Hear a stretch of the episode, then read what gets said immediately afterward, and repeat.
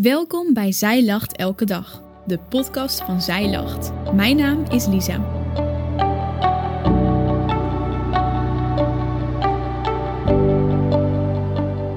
Dit is de overdenking van 5 juni door Corline Hoefnagel.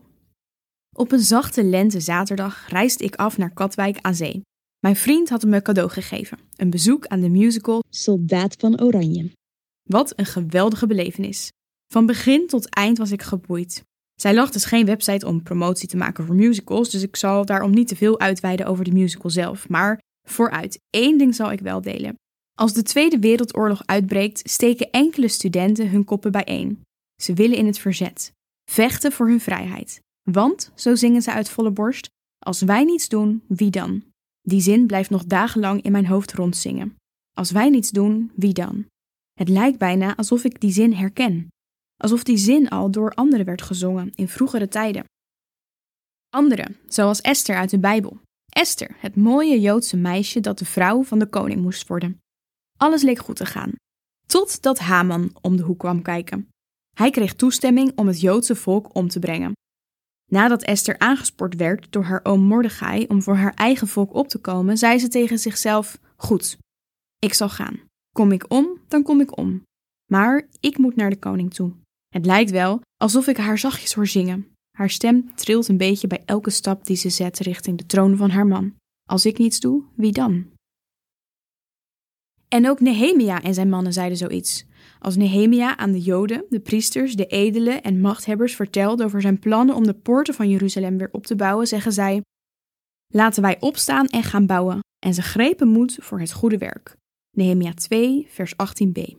Het is alsof ik ze hoor zingen hun handen ineengeslagen, schouder aan schouder. Zuivere mannenstemmen die galmen over de puinhopen van Jeruzalem, richting de oren van alle die hen voor gek verklaren. Als wij niets doen, wie dan? En ineens lijkt het alsof de Bijbel vol staat met mensen die deze woorden zingen. Ik hoor drie mannen zingen en ze staan rechtop tussen een schare knielende mensen. Ze staan rechtop, want ze weigeren te knielen voor een beeld. En ze zingen boven het orkest van de koning uit. Als wij niets doen, wie dan? Ik hoor Sifra en Pua de wijs neurien, terwijl ze door de smalle straatjes van Gozen sluipen. Ze verzetten zich tegen het bevel van de farao door in het geheim te helpen bij de bevalling van Joodse babyjongens. Ik hoor David zingen als hij de reus Goliath nadert. En ik hoor Jaël zingen terwijl ze met haar hamer een tentpin door het hoofd van de vijand slaat. Als ik niets doe, wie dan? En daar staat Jezus in de deuropening van zijn timmermanswerkplaats, de deurknop in zijn hand. Hij kon ervoor kiezen om te blijven, om veilig in de anonimiteit te blijven. Maar hij ging. Hij borg zijn hamer op. Hij hing zijn schort aan het haakje en veegde nog één keer de houtsnippers bij elkaar.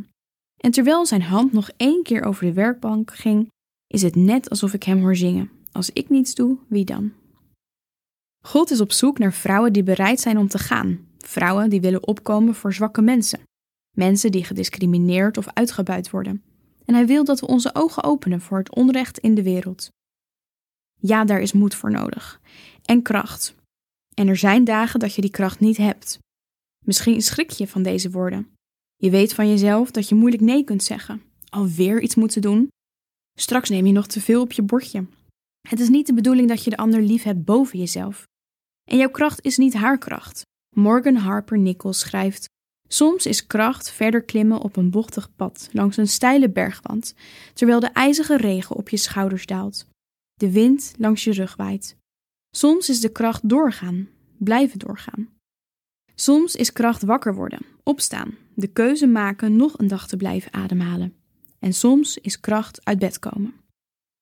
Elke persoon die in deze woorden naar voren kwam, ondernam actie op zijn of haar eigen manier. Sifra en Pua bleven gewoon doorgaan met hun werk en Esther trok alleen haar mond open richting haar man. Het zit hem niet in het grootste, God vraagt niets anders van ons dan recht te doen, goedertierenheid lief te hebben en ootmoedig te wandelen met God. Micha 6, vers 8. Want als wij niets doen, wie dan?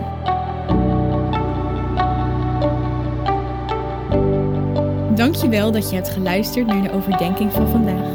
Wil je de overdenking nog eens nalezen? Check dan onze website. Je vindt daar ook nog meer toffe dingen die jou helpen om de Bijbel vaker te openen, zoals boeken, Bijbels, cursussen en evenementen. Morgen ben ik weer bij je terug met een nieuwe dan!